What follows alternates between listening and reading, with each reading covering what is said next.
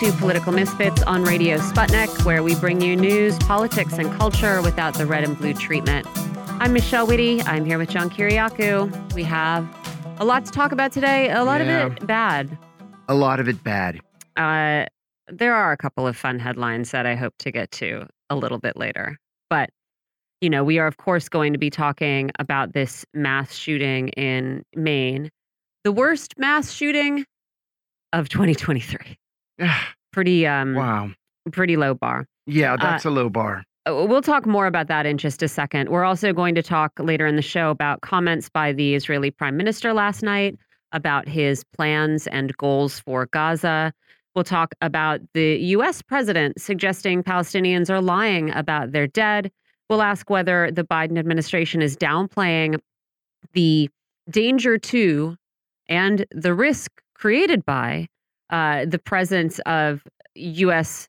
U.S. military personnel in secret operations around the Middle East.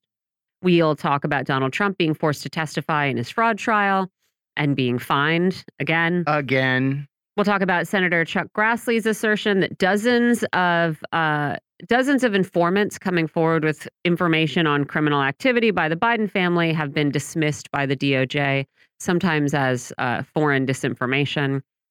We'll talk about a possible deal for the United Auto Workers with Ford. We'll talk about consumer spending for now saving the U.S. economy. And um, I mean, you know, there's good stuff. There's good stuff to be seen in this. There's also, I feel like, a big lurking dark spot uh, that's behind some of it. So we will talk about that. I agree. But yeah, I mean, we'll we'll talk more about this mass shooting in Maine toward the end of the show. But the governor of Maine just gave a press conference an hour or so ago and reported that there were 18 people killed and 13 injured, which strangely enough is a relief because initial figures, at least some of them, had been higher. Like 22 at least. Yeah. People are still in the hospital. Uh, they are still identifying uh, the victims. We'll talk later about why this man, who, according to law enforcement sources, had been committed to a mental health facility for two weeks this summer, Mm. who said he was hearing uh, voices, and who was a member of the Army Reserve, right. why he still apparently was able to access a semi automatic weapon, Yes. right? There was literally no, there is literally no law to stop him from having accessed weapons.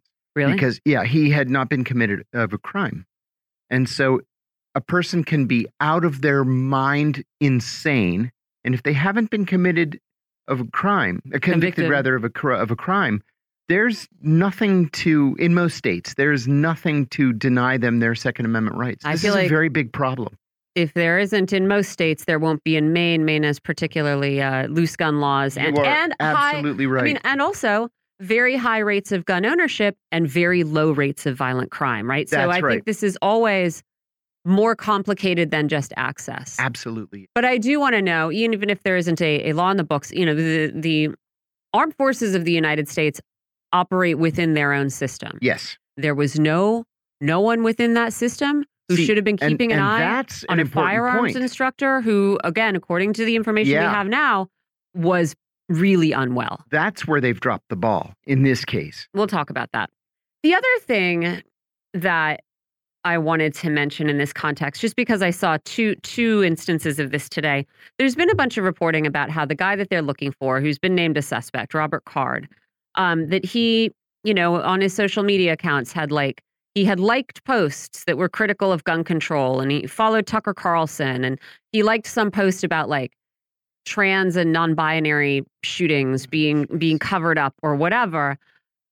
I am when you are talking about someone who is hearing voices and was committed to a psychiatric facility apparently. Right. I am pretty loath to ascribe political motives to a shooting like this, right? Again, we only know uh, this happened at 7 about 7 p.m. last night. They still have not found this guy. So we don't know anything about his motivations. Yes. But uh, you know, I'm going to right now to me I'm going to say he seems like he's crazy and you latch on to whatever is around you. He might as well have been yelling about aliens, right? It doesn't That's mean right. that I necessarily Yeah. agree with his politics, but I I, Yeah, I you're right. think I was thinking of this because, and not because I'm trying to cover for, uh, you know, conservative shooters or whatever, or say, I mean, there there are instances of there are political motivations for some shootings. There are people who are radicalized and in their right mind commit crimes like this. But another uh, foreign policy analyst who I follow on Twitter and whose opinions I, I largely respect, he posted something recently about an uptick of attacks on Jews in America by who he called pro Palestinian activists. But the example he cited was an instance where a guy in his underwear tried to kick in the door of a of a Jewish family and was yelling, uh, you know, yelling things about Jews and yelling "Free Palestine." Again, Yeah. I think if you're in your underpants, banging your fists and your feet against somebody's door, Right. I don't know that it is primarily your political positions that's Right. driving you.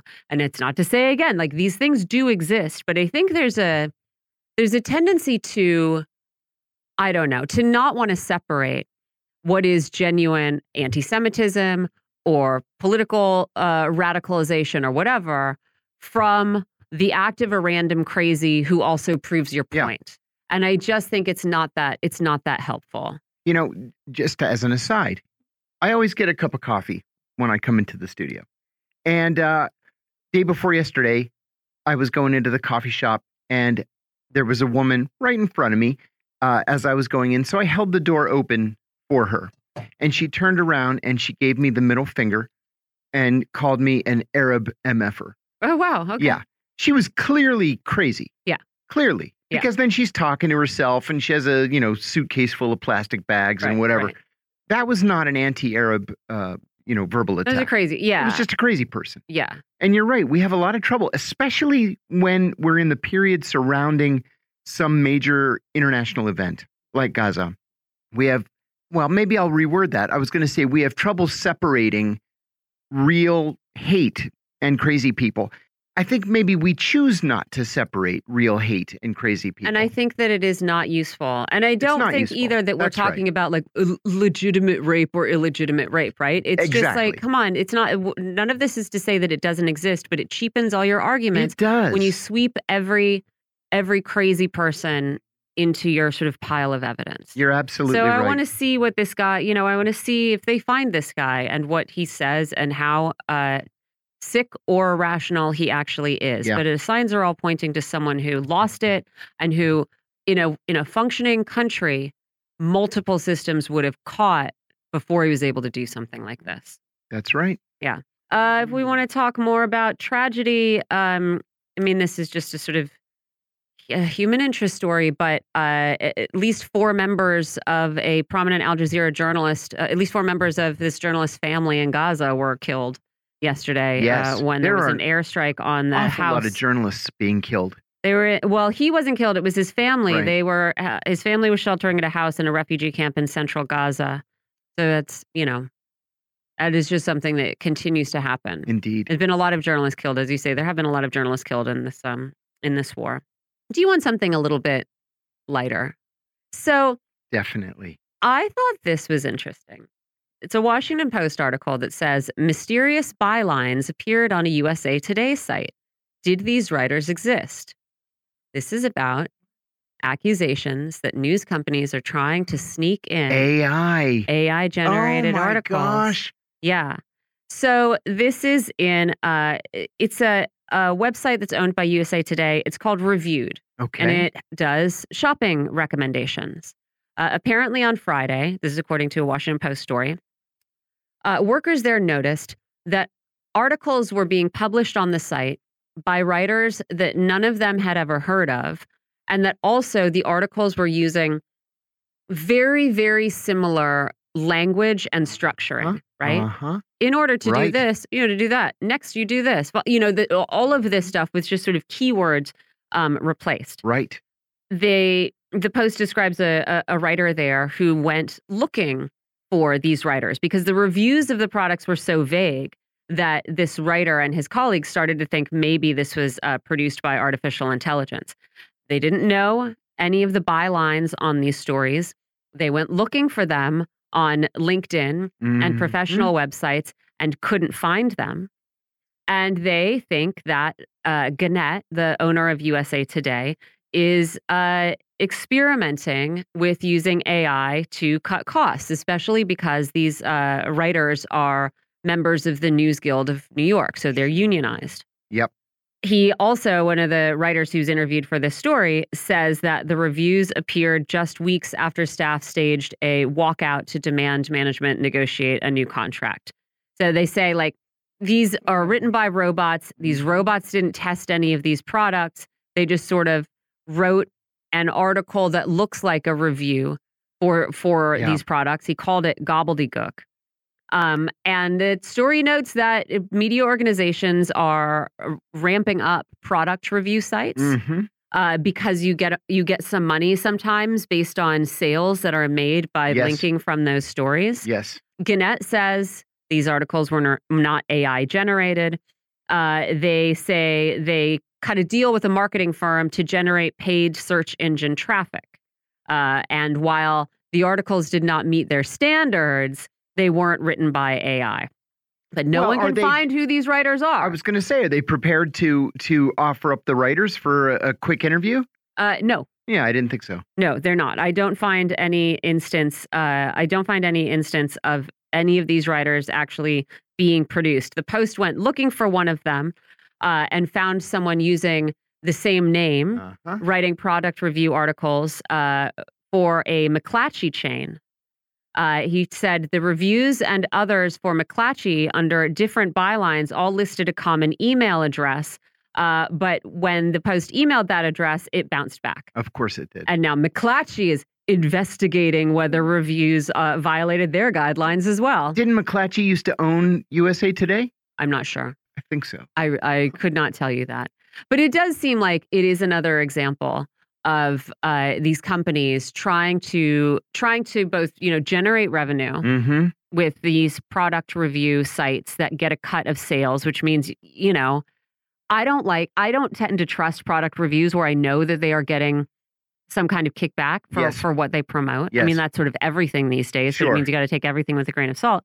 So they're trying to do that. And they're trying to do it with AI, which is just, again, we talked about this a while back when it comes to, to travel websites. It's just such a gross, I don't know. It's, it's really um, kind of revolting to consider that we're building this uh, you know great it was supposed to be this sort of great source of all kinds of information that connect can connect people around the world can connect you with experiences that you never would have in your daily life and give you all this information at your fingertips.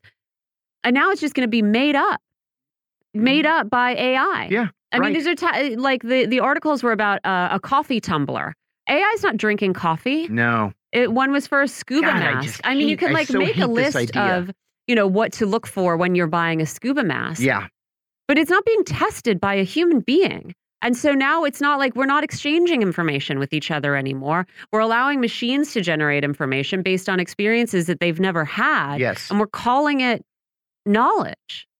You know, I generally skip these articles. Like the New York Times, every couple of days, we tested the best olive oils. Right. So you don't have to. Right. Or today in the New York Post, these are the best uh, water, uh, you know, these reusable water Right. things. Yeah. So you don't have to test them. I always skip those. Now I'm definitely going to, like, I'm going to actively avoid uh, articles like that, Yeah. even if I need something, just because I'm going to have to assume it's AI and I'm so offended that, uh, Yeah, it's terrible. yeah, and the no, thing is, we doing it. already, I mean, I know this is my my hobby horse, but like I do think really in the United States, we have already been really um, effectively, and I think in a lot of cases deliberately, separated from what is quality. yes. Nobody knows, unless you have somebody who's a baker in your family, nobody's eating bread that really tastes like bread. You know what I mean? Unless you Yep. have money and free time, you're eating Yep. a lot of food that people in other countries would really not want to ingest, you know? Uh, that they pity us Yes, for. right. We've been separated from from that. And now we sort of want to be separated from we're allowing ourselves to be separated from anything that represents quality Yes. in entertainment, you know, in in arts. Mhm. How else honestly, I mean, I would be very curious to see whether there were other places in the world where NFTs flourished like we did in the United States. I really want to know if there are But other you and I places in the world it. where you could hold up one of those of offensively stupid looking Yeah. crap apes Yeah. And have someone try with a straight face to tell you that they, it was a, it give was pleasing to look at. This gives Uh-huh. me some aesthetic pleasure, and Yeah. that's why it's worth forty five thousand dollars. We just are allowed. We have allowed ourselves to be duped as to what is good.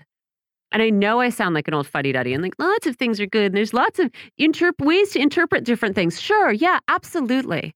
But like there is a difference between quality and garbage. And increasingly, we're just being shoveled garbage and told that that's all there is. Yeah. And when the internet is filled with these product reviews by robots and travel reviews by robots, I mean, you eventually Yeah, you think, oh, that's right. there isn't actually anything better. There hasn't ever been anything better. This is the and the ceiling that you're striving for gets lower and lower and lower.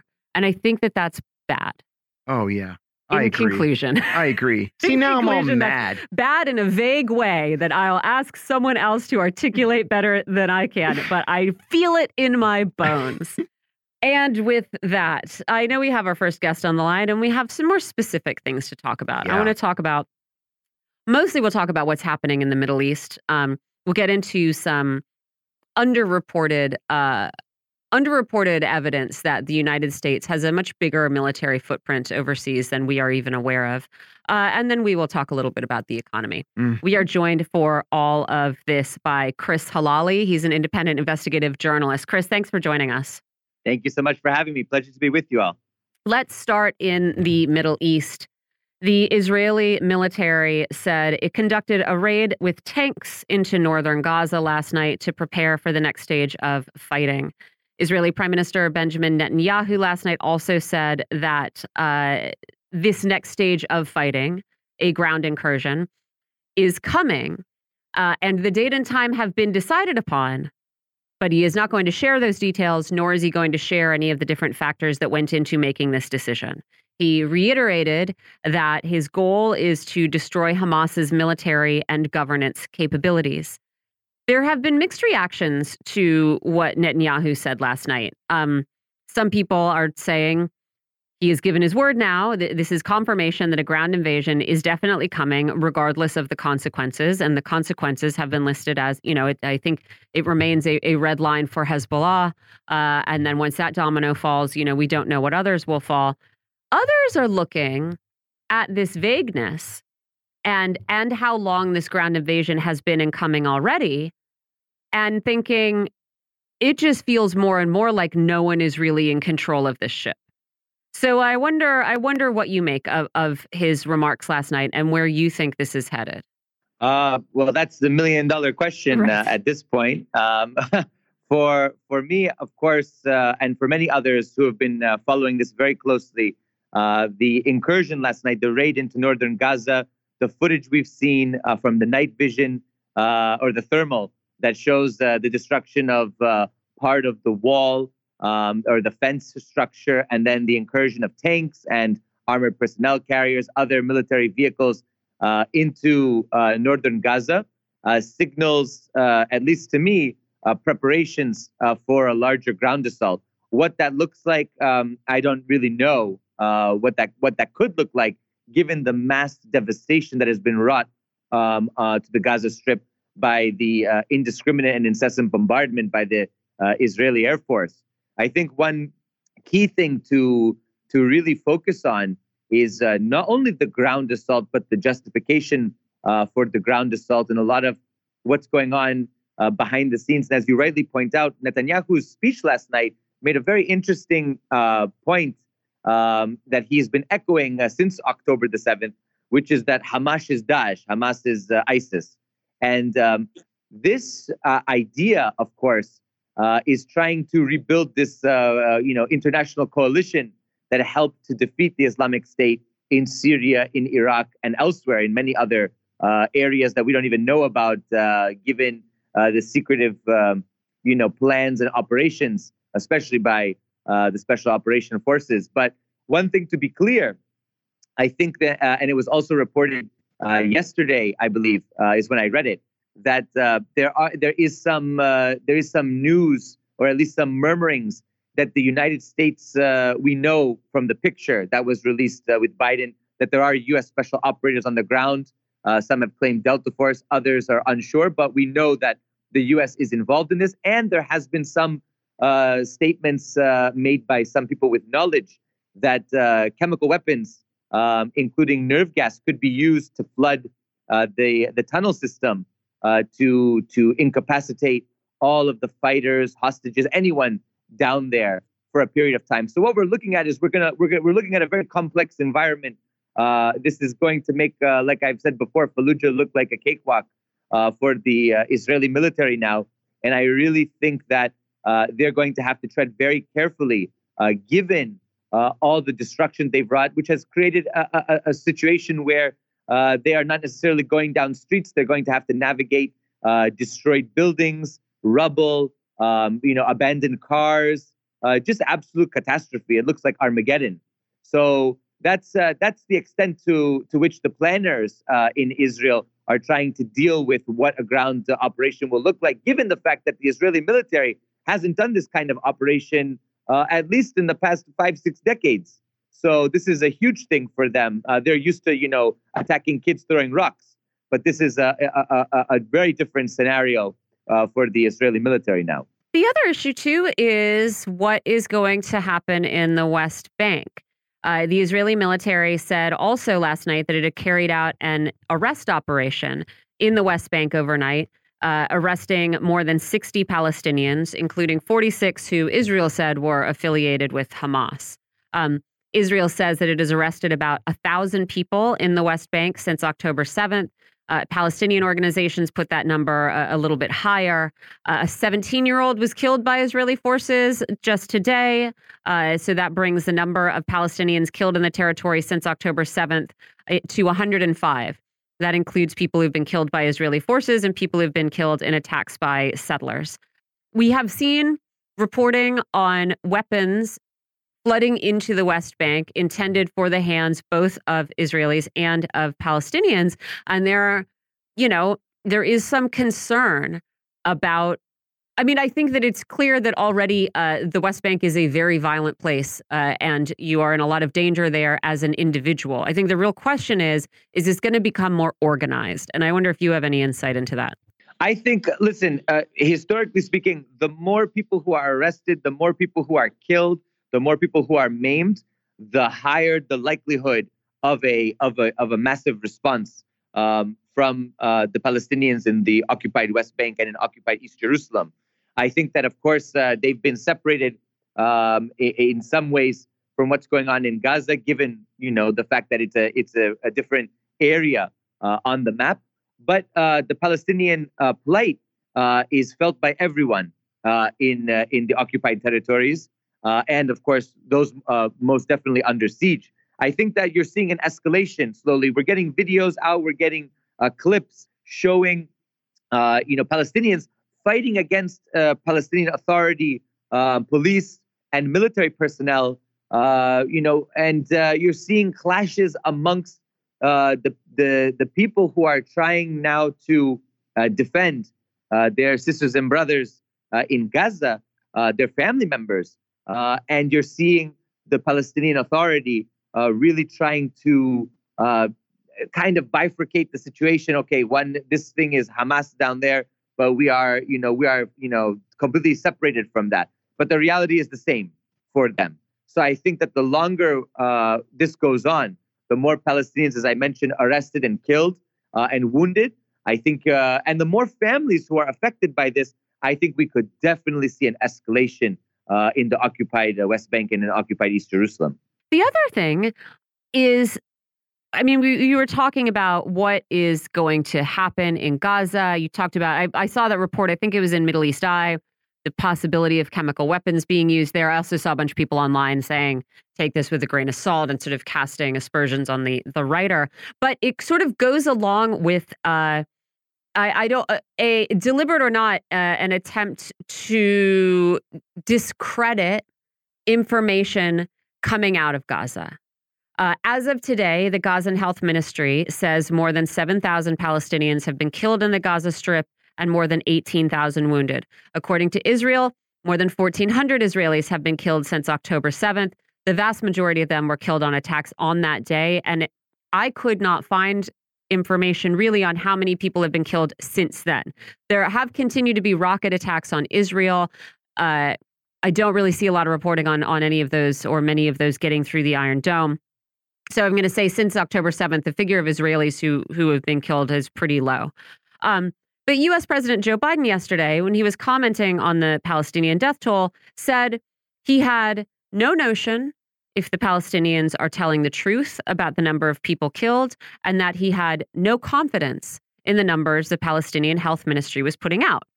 Uh, and so the Washington Post today was prompted to run a story saying, look, we get Israeli death tolls from Israeli uh, government bodies. We get Palestinian death tolls from Palestinian government bodies, in this case, Gazan government bodies, because uh, that's separate from the government in the West Bank. They cannot confirm those figures in real time, but those are the figures that are used by many entities, including the UN and Human Rights Watch. And Human Rights Watch said, look, we we have never when we have done an independent assessment of the numbers of killed and wounded in a different event, we have never found a major discrepancy between our number and the number we were given by the Gazan Health Ministry. We would not use numbers that we felt were consistently erroneous. And so I'm wondering, you know, why you think the US president is suddenly standing up and saying, eh, you can't believe anything these people say. Anyway, this is just the cost of war. Yeah, first and foremost, I want to say how reprehensible it is uh, that the president would say something like this, and that many uh, so-called uh, independent uh, media personalities and uh, mainstream media outlets are are toeing this line that somehow these numbers are inflated. It's not the actual numbers. This is as reprehensible as when people denied the numbers of the Holocaust, or people denied the the numbers in a whole host of other American atrocities or atrocities around the world. I really think that um, the fact that uh, somehow one Israeli life is worth more than a Palestinian life, uh, an ongoing theme um, that we've seen throughout the decades is uh, is is is horror is, is, is horrific for me. It really is. It, it shows the depravity uh, by which um, some leaders in the West uh, and of course uh, in in Israel will will will stoop to the level of saying that these aren't even humans; these are inhuman animals and so the numbers can't be trusted. They're terrorists. They're all terrorists. And those who die, that's the cost of war. I mean, this is uh, we. You, the, United States doesn't have the same tone when Russia is uh, is uh, trying to defend the people of the Donbass. Did they? They didn't have the same tone. So it shows this double standard. It shows this level of hypocrisy. And um, what I think is clear is that the casualties, the number of dead in Gaza, are so uh, there are so many that now uh, eh, the the public uh, this public support of the world, of course, is growing and growing and growing daily against uh, Israel's uh, indiscriminate bombing campaign, against a possible full scale, you know, invasion of the of of Gaza. And I think that public opinion is changing to the point where they now have to say, well, don't trust the numbers; they're lies, they're fabrications, because they can't justify it any other way.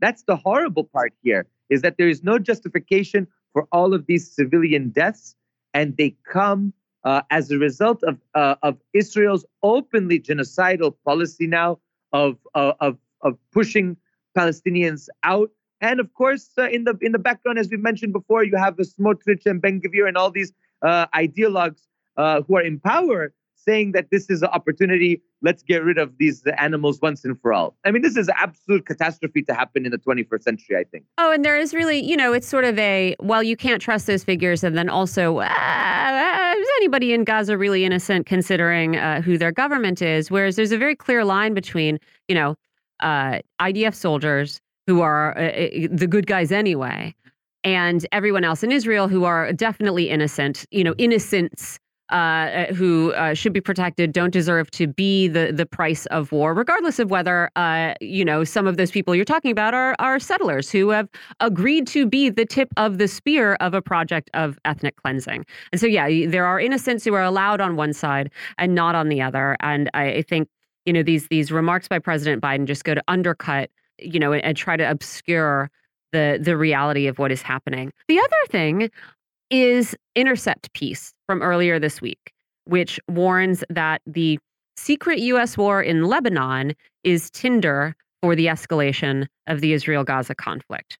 It notes that the United States has over decades poured billions of dollars in security assistance into Lebanon and conducted counterterrorism efforts against Hezbollah there. But in the shadow of that conflict, the U.S. has also waged another secret war against Sunni terror groups like the Islamic State and Al Qaeda in Lebanon. This assertion is based on conversations with former commanders and operated, declassified documents, and analysts who have investigated the U.S. law that allows special operations forces to use military foreign military units as proxies. They're called 127E programs.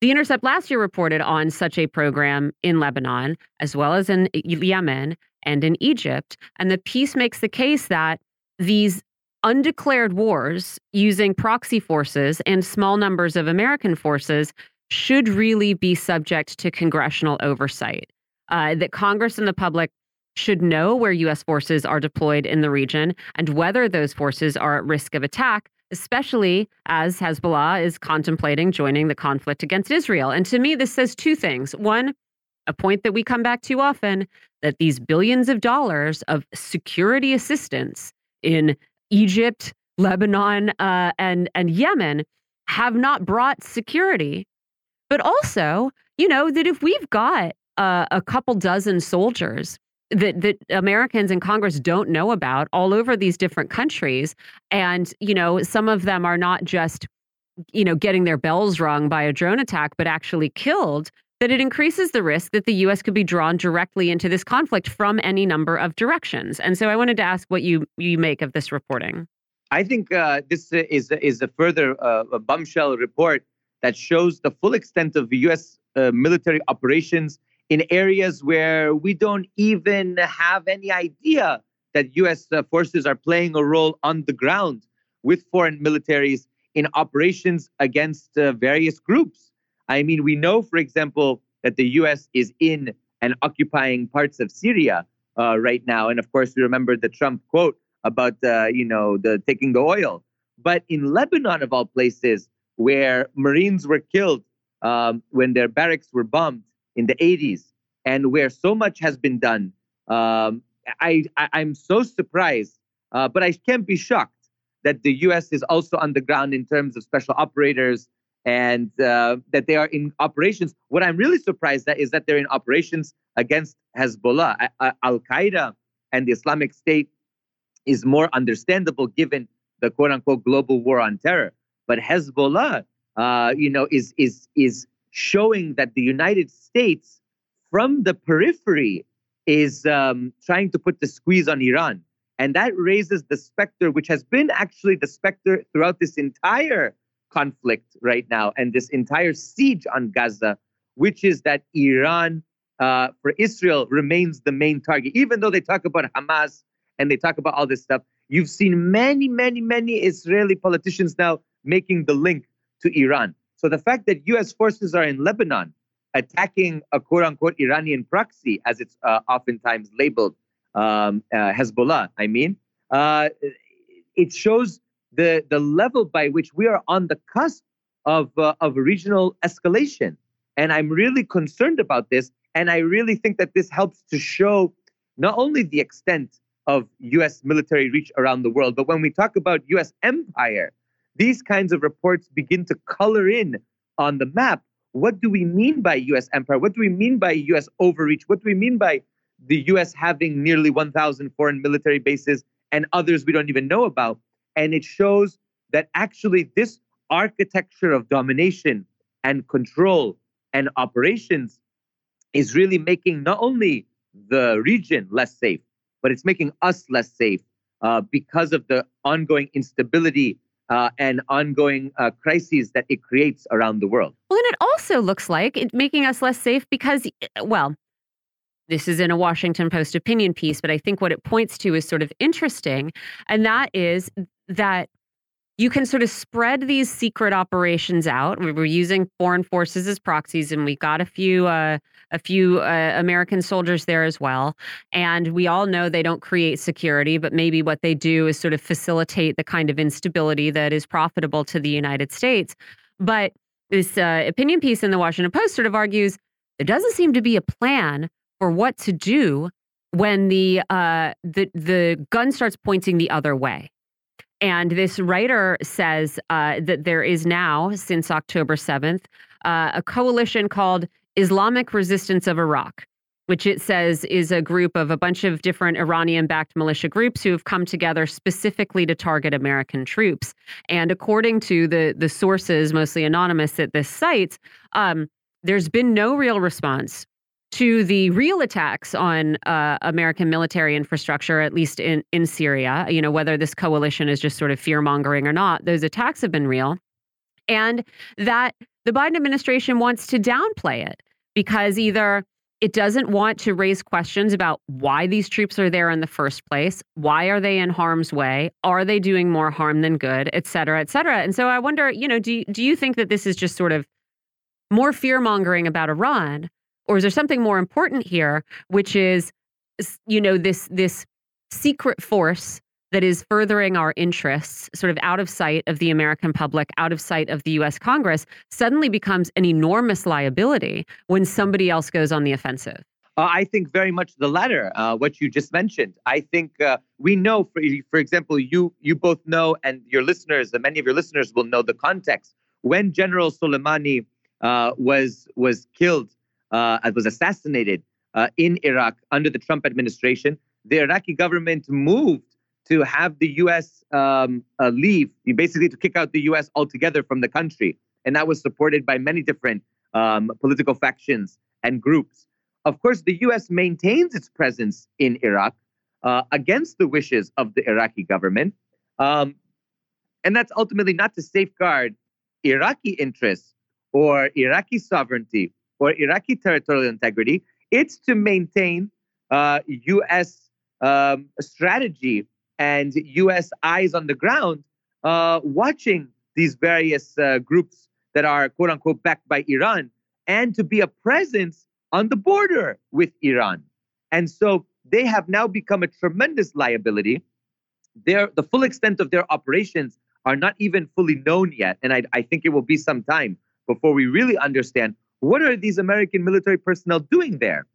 And I think that what we're going to find out is that they have been involved in uh, you know certain operations against various groups. We know that they were targeted after Soleimani's death by um, by missiles, um, some of which were launched uh, from Iran.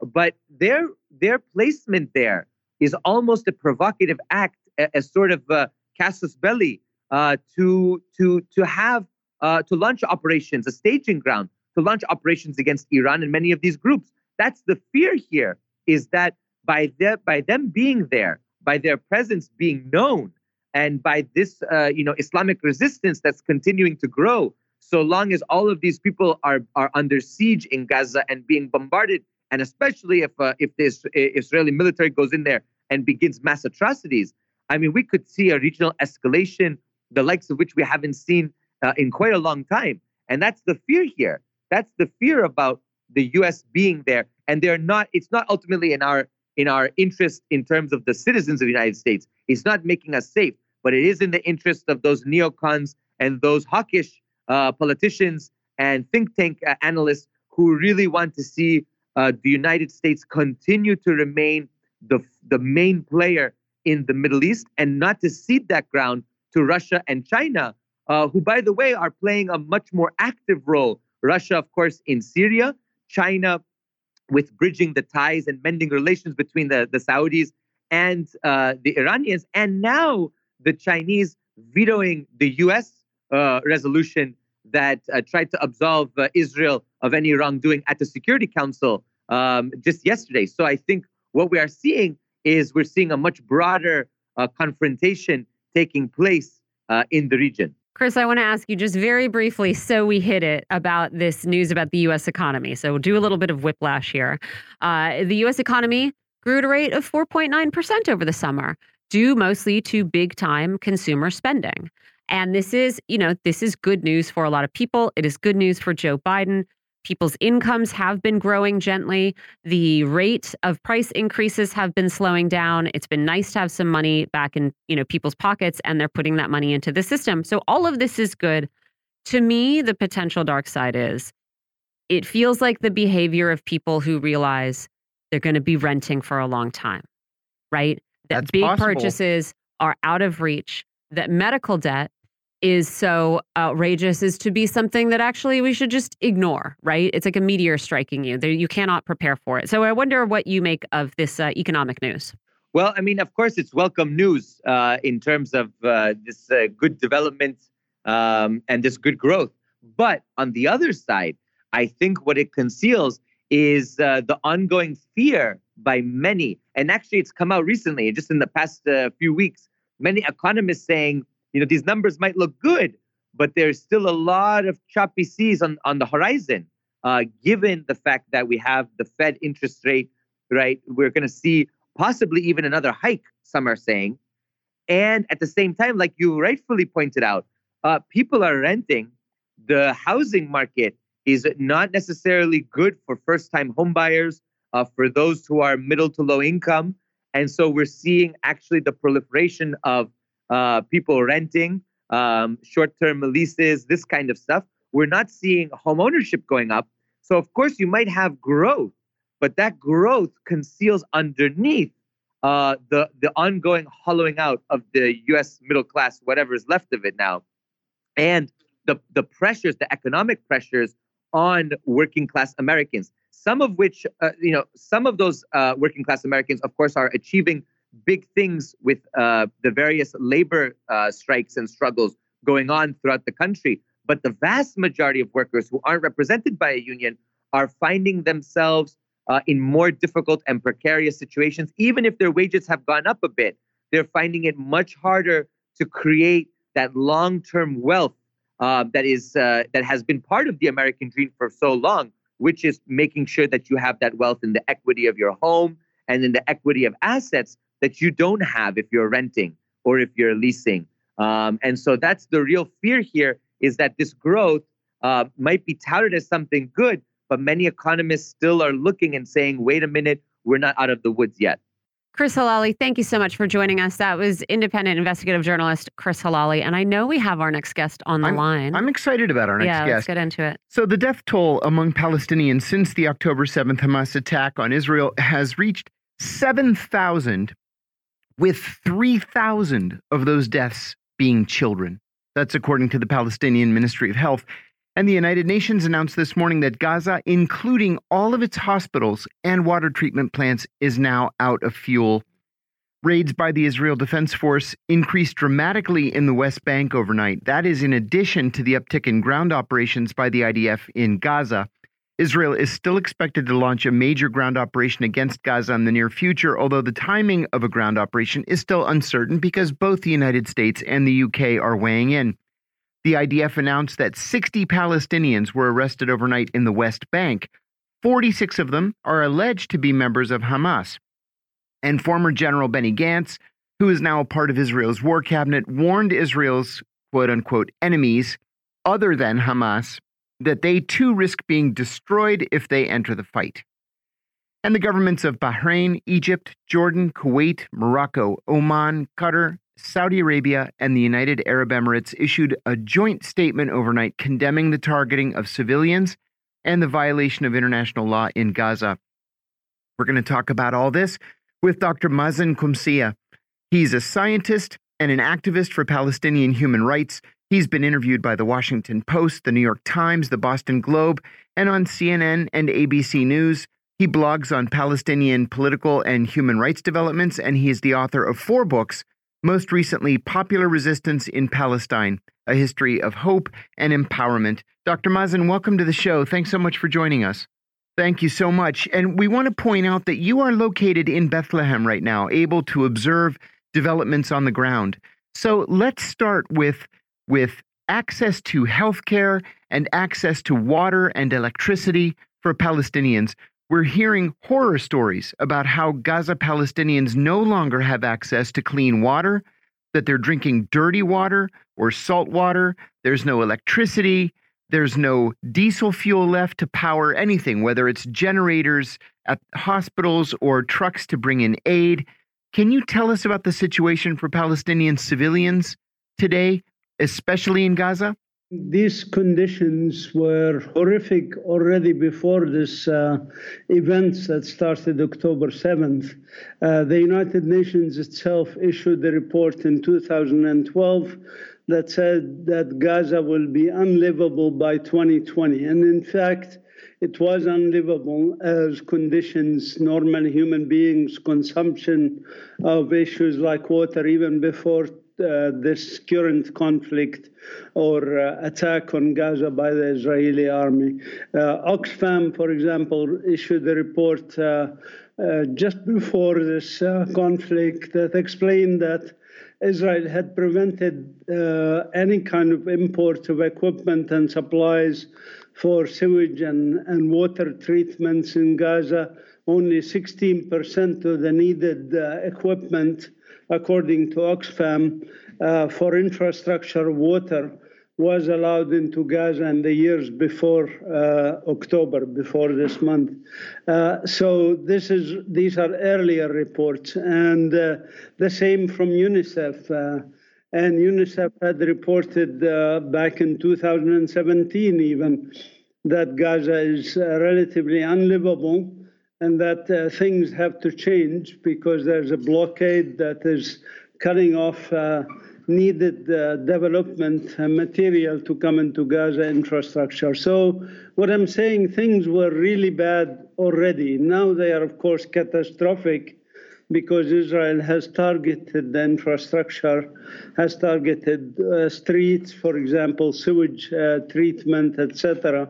Uh, uh, have prevented fuel even from entering into Gaza now on the you know end of the third week of attack no fuel into Gaza. Of course, you cannot operate uh, water pumping equipment uh, without fuel. You cannot operate desalination plant without equipment. Uh, so while Gazans were drinking salty water from polluted uh, sources before this uh, uh, conflagration, the situation is now uh, totally catastrophic. And even if we ignore everything else, the water alone is enough to, to call it a genocide. And this is what indeed has been called by a number of human rights organizations. Uh, that is genocide that's happening. And, and I just talked about the water, but of course, one can apply the same thing to denial of medical equipment, uh, uh, fuel that will need to operate the hospitals so that babies, even in incubators, will uh, be dying soon because there's no uh, electricity to operate these these equipment and intensive care units and neonatal care units.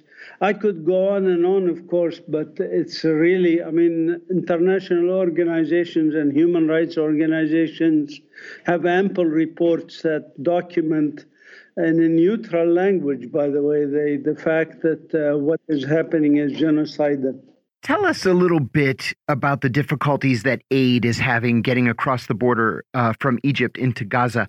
Can you can you tell us what the holdup is? Is it that the Israelis are not letting the aid in, that Hamas is not letting it in, that the Egyptians are reluctant to get involved? What what exactly is the is the problem there? The, the problem is very simple. Uh, Gaza has been under uh, blockade by Israel uh, since 2006. So we're talking about you know 17 years of blockade. This blockade by Israel, the occupying force, by UN definition, Israel is the occupying force of Gaza, is collective punishment of Gaza uh, for 16 years that they have 17 years that they have been blockading Gaza. Now, with the current situation, of course, devastating infrastructure and preventing electricity and water uh, from flowing, even after they have reduced it before this, of course, making sure that Gaza was uh, basically barely sustainable living. Now it is not sustainable living, so there's intentional genocide now, uh, not just uh, siege and blockade that starves the people, but now a blockade that kills the people directly. And uh, this is uh, what is done. Now, why is Egypt participating in this? Uh, Egypt, of course, as part of the agreement with Israel in the Camp David Accords, had kind of limited sovereignty on Sinai, and everything they do must be approved by Israel. Um, this is uh, unfortunate, and you know that Egypt has kind of uh, cajoled Israel participating in the first uh, so-called peace agreement, but it was really pacification agreement with Egypt that made sure that Egypt will never raise its head, will never be able to challenge Israel. When uh, Hamas uh, and uh, won the elections in 2006 and assumed control not just in Gaza but also in the West Bank, of course, the US and Israel declared war on it after they themselves had allowed elections, saying that if Hamas stopped attacks, they can participate in the elections, and that's what Hamas did. But then they waged a war on Hamas in the West Bank and Gaza, and they managed to uh, take the West Bank out of uh, Gaza, out of Hamas's uh, political leadership and authority. But Hamas kept its part of the bargain in terms of not attacking Israel and not doing anything in the West Bank in 2006, 2007. Uh, and then Israel, of course, attacked uh, Gaza repeatedly since then because they just don't like any kind of resistance movement, whether it's uh, engaged in armed resistance at the moment or not. So, but as part of this, the European Union and the US sided with Israel uh, in those early attacks. And uh, as a result of this, um, the US pressured Egypt to agree to the Israeli conditions for control of Gaza, uh-huh. which is basically every item that goes into Gaza is uh, to be approved by Israel. It doesn't matter if it's humanitarian, not humanitarian. Everything can be dual use. As you heard, uh, you know, even pencils can be supposedly dual use. Right. Fuel can be dual use, of course. Uh, you know, you can make a Molotov cocktail from it. Uh, so, of course, now Israel says everything is uh, forbidden for Gazans, even medicines. I don't know how you can justify medicines being dual use, but right. Uh, but that's that's what Israel has done. Um, with the support of the U.S. and, and some Western governments. Um, I want to ask you as well about this uptick that we've seen in arrests of Palestinians in the West Bank over the past several days, as well as the fact that something like 4,500 Gaza Palestinian workers in the West Bank are now missing and are presumed to have been arrested. What can you tell us about these developments? Why are so many Palestinians in the West Bank being arrested? Well, uh, in when they when Hamas surprised Israel and broke through its defenses and occupied some 11 military bases that were besieging Gaza and torturing the people of Gaza uh, in on October 7th, Israel was in a quandary and didn't know how to react. Uh, there were a lot of workers from Gaza working in Israeli buildings, etc. These are people who have nothing to do, of course, with Hamas or resistance or anything else. They are vetted very well. But anyway, Israel uh, decided then, of course, uh, glove is off and they're going to do collective punishments, etc. But in the first few hours, they really uh, were kind of, uh, uh, you know, clamoring around, not knowing what to do. So they took these workers and dumped them in the West Bank. And then they had a change of mind that these people cannot stay in the West Bank, but we cannot return them to Gaza, of course, uh, so to their families, because we want to punish them for being Gazans, because we are, after all, punishing all the other 2.3 million Palestinians in Gaza, so we might as well also punish these uh, few thousand uh, Palestinian workers, even though they are pacifist and very well vetted not to be associated with any resistance. So they came around and arrested them. There were even some in here in Bethlehem who were just uh, desperate. We helped them with food. Uh, so, so they rounded them up and they took them to Israeli jails and uh, and we don't know the, what happened to them because the Red Cross is not uh, any longer allowed to visit Palestinians in Israeli jails. Uh, there are, we estimate, between 10,000 now to 11,000 Palestinians in Israeli jails. uh, most of those people uh, were denied basic services usually given to prisoners like food and water and, and even electricity. Uh, collective punishment of the Palestinian political prisoners in Israeli jails is uh, common, of course, but but as I said, under this fascist right wing, ultra right wing government, even by Israeli standards, it's a fascist government when they have a criminal, a terrorist, who was even indicted in an Israeli court for acts of terrorism against Palestinians. Ben Gvir is now in charge of the security services and the prisons.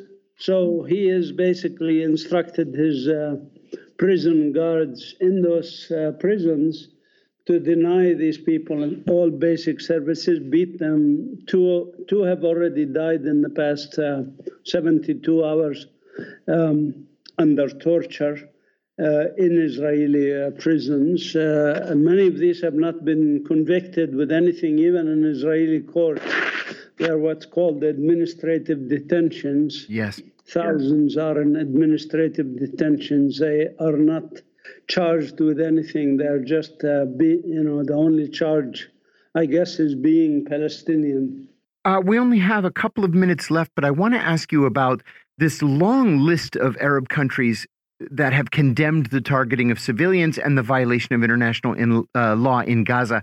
Israel has diplomatic relations with many of these countries. Do you think that matters in any way? Do they have any influence over Israel? Do they have any influence over the Palestinians? Well, this latest uh, uh, struggle uh, by people of Gaza to stay alive has exposed a lot of hypocrisies, not just in the West, which claimed human rights and democracy, while they even prevent Palestinians and human rights advocates from expressing support for international law. In Belgium, France, Germany, they even uh, uh, arrest people who go out on peaceful demonstrations. Uh, but it exposed not just the hypocrisy of the West, it has exposed this hypocrisy of the East in some of our Arab, uh, sadly to say, so called Arab countries who have little Arab left in them because they have no decency to expel the Israeli ambassador. I'm so sorry that we're out of time, and I have to uh, I have to end it there. That was Dr. Mazin Qumsiyeh. He joined us from Bethlehem. He's a scientist and an activist for Palestinian human rights, and he's been interviewed by a wide variety of American media. He blogs on Palestinian political and human rights developments and is the author of four books. You're listening to Political Misfits on Radio Sputnik. Stay tuned. We'll be back at the top of the hour.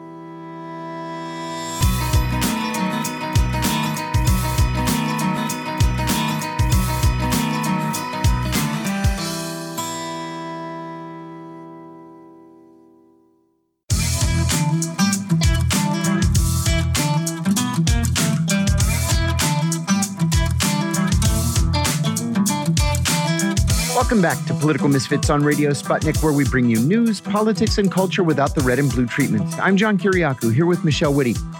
Representative Mike Johnson today will serve his first full day as Speaker of the House. Johnson was elected along a straight party line vote yesterday, and although Republicans seemed thrilled to have a leader for the first time in more than three weeks, some tough days are ahead, with Republicans still deeply divided over issues like the federal budget and aid to Ukraine.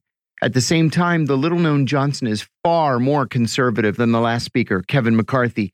Johnson is an abortion absolutist, opposing the procedure under any circumstances. He supports a government shutdown as a way to force Democrats to agree on deep cuts in social spending. He opposes additional aid to Ukraine, and perhaps most importantly, it was Johnson who led the fight in 2020 to overturn the presidential election and to swing it in favor of Donald Trump. He did that behind the scenes. Johnson was the author of the amicus brief to the Supreme Court, which said that the Trump supporting fake electors should have been counted in four swing states that Trump had lost. We told you yesterday that Donald Trump was in even bigger trouble than he had been before. That trend continues. Trump was fined $10,000 by a New York judge yesterday for violating a gag order for the second time. He had been fined $5,000 a week ago. This violation was more serious. If Trump violates the gag order again, he risks actually being jailed. That's not a good look for a former president of the United States who's actively fighting four criminal cases. And Trump's problems yesterday were not just in New York. Three of Trump's former attorneys and his former chief of staff flipped on him in the Georgia case, and there are rumors today that another six Georgia co defendants are ready to accept guilty pleas and testify against the former president. Mm. Both the Texas State Senate and the Texas State House have passed a bill that would allow local police and the Texas Rangers to begin arresting undocumented migrants. Governor Greg Abbott has said that he will sign the bill into law. The problem is that the bill is probably illegal, and the Biden administration will challenge it in the federal courts immediately. The United Auto Workers announced this morning that it has reached an agreement with Ford Motor Company to end the strike there. The deal includes a 25% pay increase over four years, cost of living adjustments, and big gains to pensions and job security. A, a, union spokesman said that he believes the tentative deal will put pressure on both General Motors and Stellantis to settle their strikes too. We'll see. Hey, John. Mm-hmm. Can I interrupt you for a second? Because I know we don't have our guest yet. We're trying to get him on, and I realized we I I do have a story about baked beans to tell you, but I feel like first we should ensure that we uh, get in a little bit about um, Mexico and the hurricane that we mentioned briefly yesterday. Yeah, right. Uh, not only record time, right, going from a tropical storm to a Category Five hurricane, but it was the most powerful hurricane to ever hit Mexico's Pacific coast. Ever. Ever. Yeah. And um, it was a direct hit on Acapulco. Yes. And so a lot of the news that we're getting is from Acapulco, but because, uh, you know, it and a lot of the areas that were affected have been without electricity and without communication yeah. uh, since the storm hit. Right. We don't know exactly how bad it is. It's still really difficult to know. Uh, what we do know so far is that at least 27 people have been killed, at least uh, four are missing, probably going to go uh, go up higher. But yeah, I mean, it just it just got. Well, have you seen anything yet about um, storm surge? Because you know that's that's such a major killer in storms like this. Yeah, and I didn't see a lot about that in this instance. It seems to really have been. I mean, if you you look at like windows being blown out, right? Uh, you can see picked like you know uh, hotels where every single window has been blown wow. out. It seems, and I really don't know yet, but it does seem like just the sort of power of the winds that the mm-hmm. storm brought mm-hmm. is what did a lot of destruction here. And it dissipated really quickly. And mm-hmm. so a mm-hmm. lot of times also what happens if you have a storm that moves really slowly and it yeah. is dumping rain right. and it's driving um, water up for a long time, right. then you get a lot more flood damage. But I am just sort of you know, yeah, speculating on what what little that we know. But you've got 300,000 users without electricity. There's down transmission towers all over the place. The government's still trying to get uh, more equipment in there. Not really a lot to analyze about this, except that, of course, this is the kind of thing that we should probably be prepared to have more of. Oh, yeah. In the future. Without a doubt. Yeah. Well, our guest uh, is on the line. We're joined by Jim Kavanagh. Jim's the editor of The Polemicist, and you can find his work on his Substack and also at thepolemicist.net. Thanks for joining us, Jim. Good to have you back. Always good to be here. Thank you. Jim, let's start with the election yesterday afternoon of Mike Johnson as Speaker of the House. I want to talk about his likely agenda, which some are calling, I saw this this morning, I was appalled. Some are calling it Jim Jordan's revenge. Johnson is a very, very conservative. In fact, I saw in the Washington Post an Irish diplomat actually made a joke about it this morning, saying that um, that Johnson's district in Shreveport, Louisiana, is even more red than the otherwise reddest districts in America. Uh, at least at this early stage, it looks like he has the support of his caucus to move legislation, right? It was a unanimous vote yesterday. So, what kind of legislation should we expect to see, even if it has no hope of passing through the Senate or being signed into law? Are we looking at um, at culture wars kind of thing, kind of uh, legislation here? Well, first of all, I want to say that I saw his acceptance speech yesterday, and I was very glad to see that it was the work of God that put him into this position. Well, God probably told him personally that he was going to give him the job. He said, "This is not a coincidence. This is, you know." He gave a very nice little lecture on predestination and predestination theology. So the Lord works in strange ways, certainly. But I, I guess, guess, that's you know he's he's put him in this. It's not a coincidence, not an accident. Uh, and that's the kind of thing that I think what his shtick is going to be definitely the anti-abortion rights thing. Yeah. It's coming out of Christian um, fundamentalism. It's going to be uh, Christian Zionism very strongly, but that's not going to be at, at, at odds with anybody else in the Congress. I don't know what kind of legislation he particularly individually would promote. Or, you know, it would be anti-abortion rights stuff most most likely. Mm-hmm. He's going to get what the question he, it, over the next couple of months at least. There's not going to be much time for someone to put forward, you know, their favorite legislation. There's yeah. going to be fights uh, over Ukraine and Israel funding, and there's going to be fights over the debt ceiling again, and you know, so that's going to occupy everybody's time for the next couple of months. I don't think you're going to see uh, specifically Johnson uh, inspired legislation, but he's going to be. Uh, you know, uh, uh, on the right with all of these things, and I expect to see we're going to see fights over the debt ceiling, especially the the, the, his caucus, his his element of the Republican Party is going to stand on, and over Ukraine. That's going to be the issues. Of, well, of let me ask you about the debt ceiling, the debt ceiling, and the federal budget. Uh, in the past, he's been one of these shut it down voices. And when you're a when you're a backbencher, it's easy to get up on the floor of the house and say, "Ah, shut it all down." Okay, that's one thing because nobody pays any attention to you. When you're the speaker of the house and you shut it down, you're going to pay the price for that, you and your party. But the buck has to stop somewhere. And if the Speaker of the House is saying shut it down, you know, there's a cost that comes with that. Do you think that that because of the fact that he's in a vastly different position now, that he might be willing to negotiate with the Senate and with the uh, the White House, or are we looking at a period of of brinkmanship?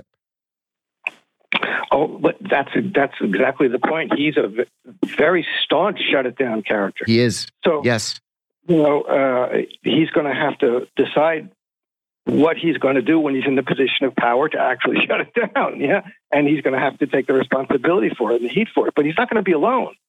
You know, this is going to be a nasty fight. Uh, yeah. my prediction at the end of the day is what's going to happen is that the, they're going to extract serious social spending cuts from the Biden administration in order to get this going. That's yeah. probably going to happen. And, you know, uh, but they're going to be serious about this. They look at what they've done with the speakership. you know, yeah, they held the whole the whole body hostage. Exactly, they're going to do the same thing with the federal government they just did with the speakership. They have the power to do it, and they're going to do it.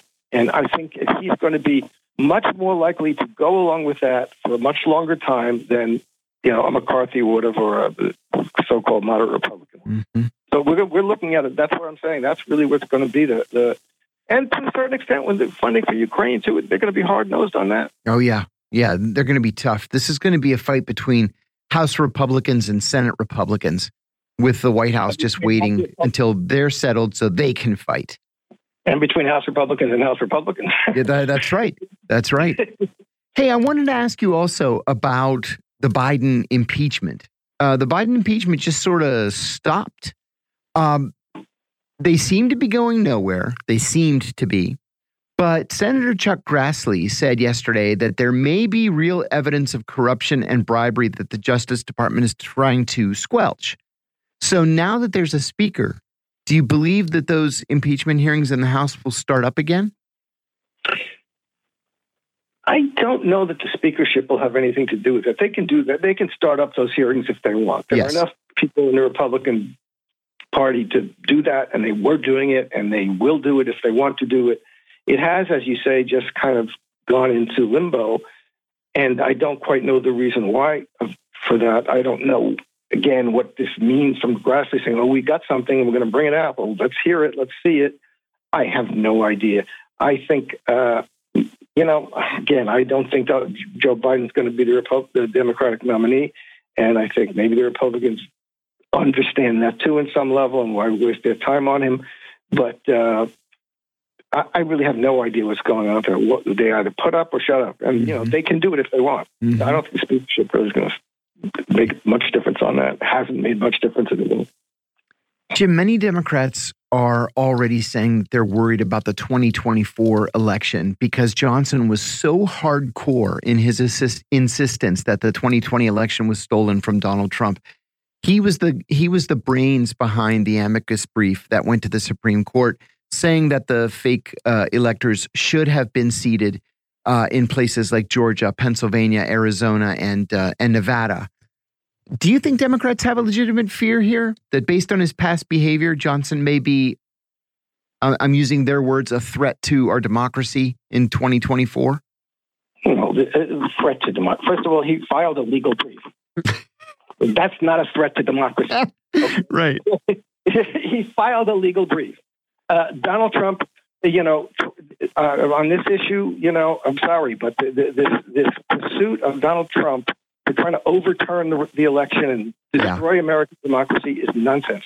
He contested the results of the election, probably with good reason. I'm not totally up on what exactly happened in all of these things, but the American electoral system is designed to promote fraud, and people will take advantage of it. And I don't have any doubt that 42,000 or 44,000 votes in three states could have been screwed around with. And uh, there's no way, people don't have a way of really investigating that seriously after the election.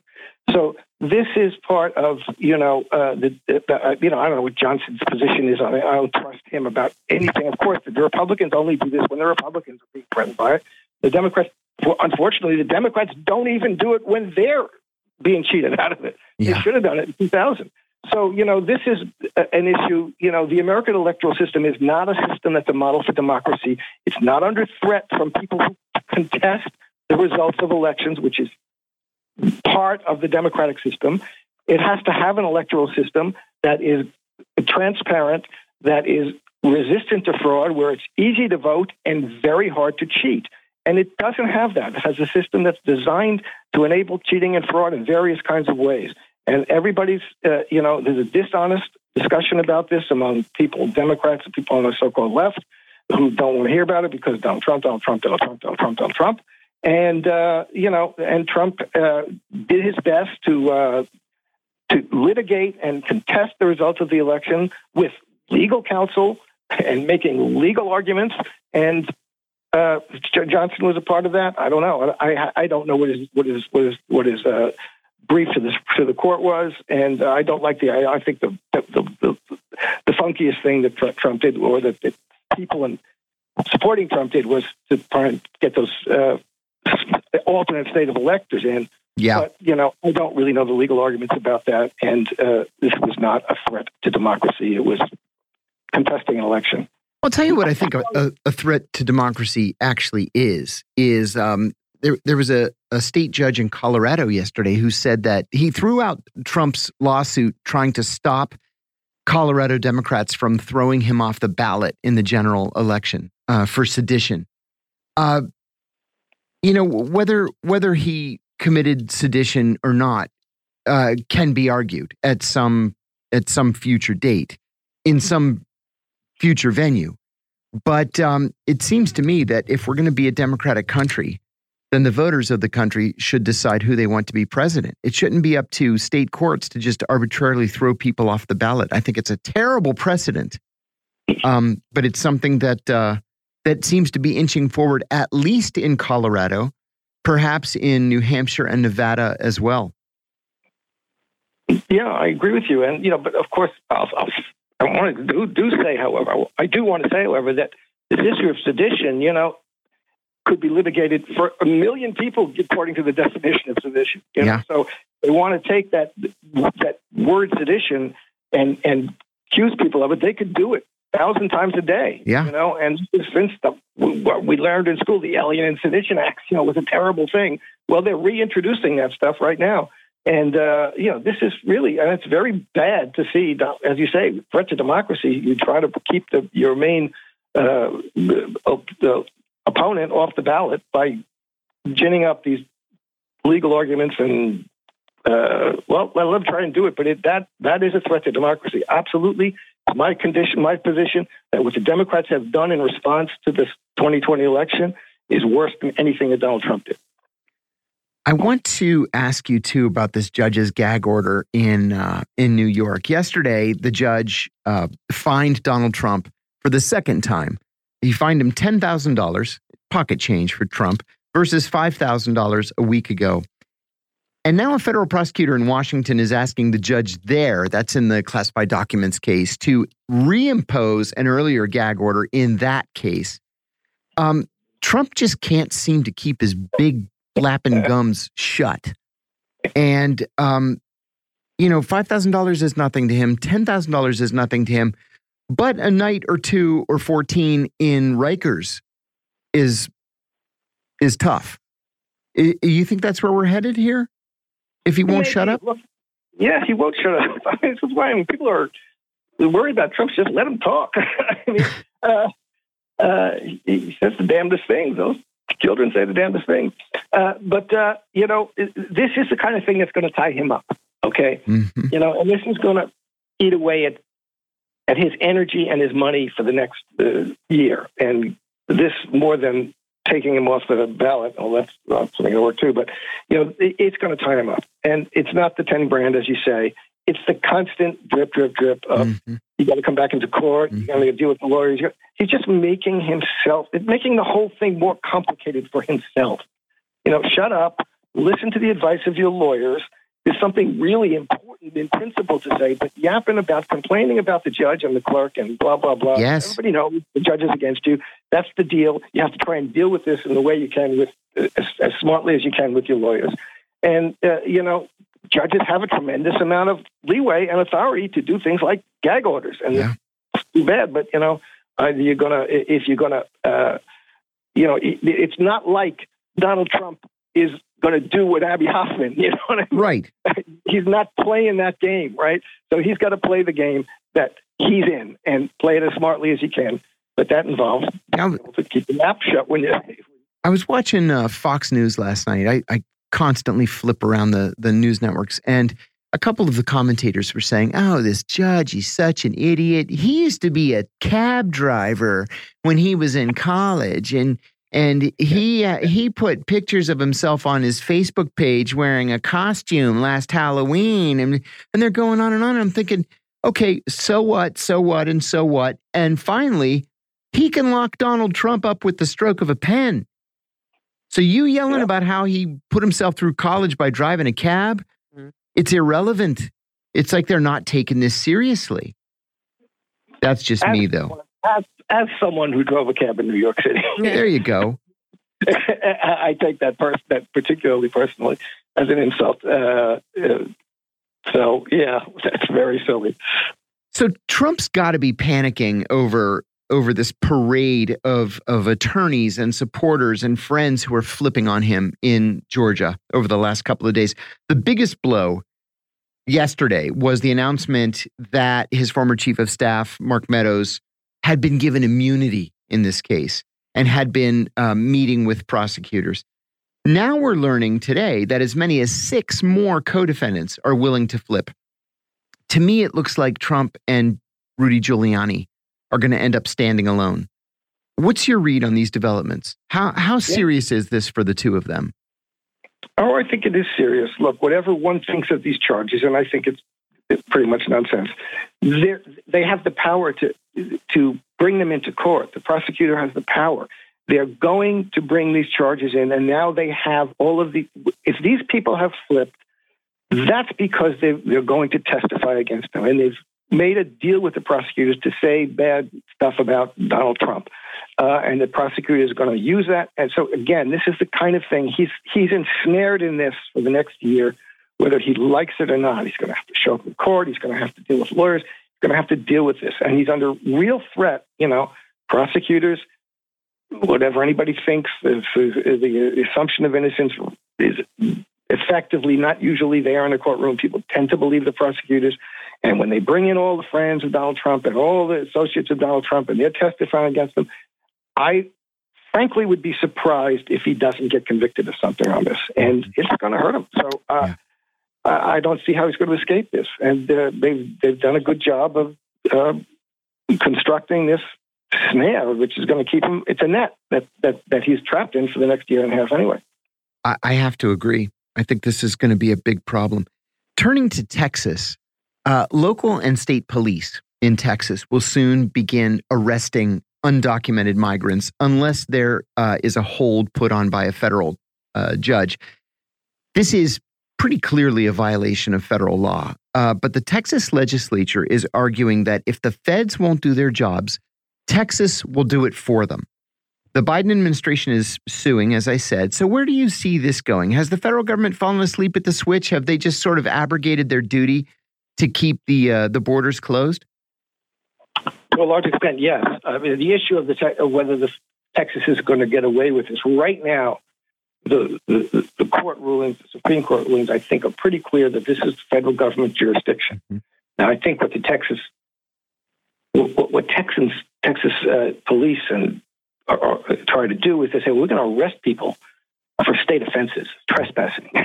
yes, you know, and I'm going to give them the choice of going home if they want. You know what I mean? Right. So they're going to arrest people on. They're not going to arrest people for entering the country, which would be the central federal charge. But they're going to arrest them on other on any any other thing they can catch them on, and then give them a choice of stay in the country, go home, or you know face trial or whatever. I think that's the game that, they're trying to play with them. Ultimately, this is all about the nonsense that we have a very bad immigration policy. We have a very bad immigration discussion, which is dishonest, has been, I think, dishonest all the way around. Uh, the so-called left again has, you know, I'm in favor of open borders. I'm in favor of not tipping people because tipping is really bad. You know, tipping is a sign; it's insulting. You have an economy in which people like the Soviet Union, they waiters and waitresses usually refuse tips; they were insults. Wow! And we have to have an economy that will allow people, will allow open borders, and and in which people will deign, will refuse and refuse to accept or give tips. We don't have that economy. You have to create the conditions for a world with open borders. You don't have it. This idea of unrestrained and what, what you know, effectively you can't have, but they kind of do have unre- open borders, unrestrained immigration is something that is a capitalist dream. It was pushed by the capitalists for decades until somehow quote unquote left in the United States go. And now what we have, and you know, that thing that Bobby Kennedy did, which was, you know, the, the, the, cartels have turned this into a business. They advertise around the world on the internet for people from Asia and Central Asia and Africa to come to Mexico and get bused to the border. I mean, you cannot pretend this isn't happening. And it's not just Texas that's dealing with this. New York right. is dealing with it. You know, the mayor of New York is going to do the same damn thing that if Texas does it, they'll do it because it's a real problem that you can't wave away by saying open borders are great. And we, if, there's a difference between proletarian internationalism and capitalist globalization. And what we're seeing this is, is, is the latter, not the former. Hmm. The, the, problem, the, the solution to problems of poverty and in, in, in, oppression in the rest of the world is not that everybody moves to the United States. Yes. You support the regime, you support the politics and the movements of working people in those countries. New Hampshire authorities announced yesterday that Joe Biden is going to be thrown off the ballot there in the New Hampshire primary because of a state law saying that New Hampshire absolutely positively must be the first in the nation primary. So the DNC, of course, dropped Iowa and New Hampshire in favor of South Carolina, Michigan, and Nevada. This is mostly symbolic for Biden. But where it's not symbolic, as I mentioned earlier, is in Colorado, where a judge threw out Donald Trump's lawsuit yesterday asking that he not be thrown off the ballot in the general election there. So this seems to be a trend. Democrats in at least four other states are trying to get Trump off the ballot in the general election because of his actions on January 6th of 21. Do you see this thing spreading, whether it's uh, against the Democrats in Iowa and New Hampshire or against Trump in at least these four states? Is this something we're just going to have to deal with from now on? Is well, these preemptory challenges? The Iowa New Hampshire thing is an intra party Democratic fight. Right. You know, and which what Iowa New Hampshire is saying, you know, you're dissing us by taking us away from the first, and therefore, you know, this is the party saying who can be on the ballot and who can't be on the ballot, and the state party saying, no, no, we say who. So that's an intra party thing. The, the other issue is much more important whether they're going to go to court to try and remove people from remove your political opponents from the ballot on the basis of quote unquote their sedition or quote unquote they tried to overturn the election or whatever the the the, the, the clause in the Constitution they're trying to use for this. That's much more significant and much more important. Is it going to become? I think, yeah, it, well, it already has become. I mean, it is. There you got you got three or four states that are trying to do it, and if they try to do it, the Republicans will end up trying to do it at some point anyway. At some point too, just like impeachment.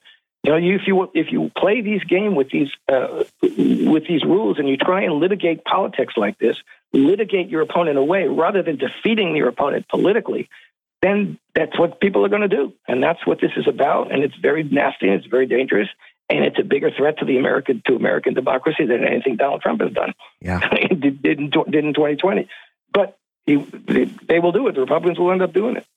And what's interesting also, by the way, which I just came out today, is this thing that just came across very clearly, which is this that, that uh, I don't know if you saw this, that RFK, the two different polls show that RFK is taking hurting Trump more than more than Biden. Yeah, we talked about that a couple of days ago. This new NPR Marist poll uh, yeah. shows by two to one he's hurting Trump more than Biden.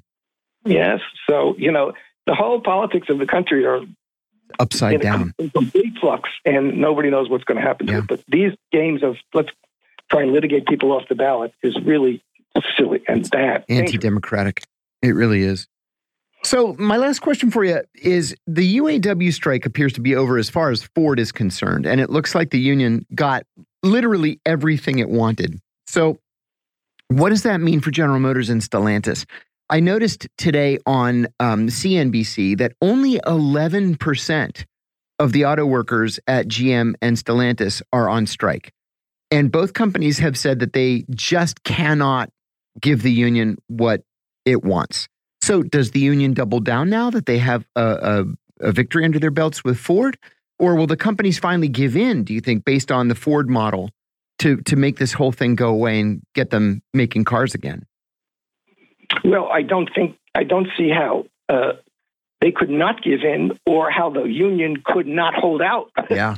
now that there's a precedent fraud from Ford, you know. I mean, it's it, by the way, Stellantis. I, I, Stupid name. What is that? Stupid sounds name. Like a, sounds like a disease. Yeah, I hate. I hate it. I, I still hate it. just do. I do think this is a little bit of like old fogey hour, but it's like, come on. I, I still, I still say Twitter. I hate the, I hate the name X. No, like how, have to say how X. not creative is that? You don't have to say X.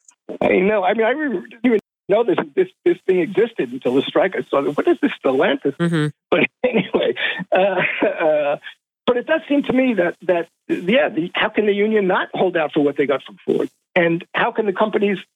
I, I just don't see how they uh, how this could not go uh, the way the union wants with the companies. Because if there's only 11 percent that are off that are on strike now, they can they can easily up the strike and bring out more people from those companies, and they'll be in trouble. Yeah. So I just don't know. Uh, it seems to me the union's in a good position. I, you say they got everything they wanted. I didn't. I, I saw some uh, elements of what they got. I'm wondering if they got what they wanted about the the, the, the, the, the third party battery plants and things. Uh, that was one of the main things. Yeah. Good Anyway, question. They they got a pretty good package, seems to me. But also they're putting what you know again. What some people are going to be worried about is they're saying go back to work, awaiting ratification. Right. You know, that, that, that the union is pushing the pushing the membership to ratify.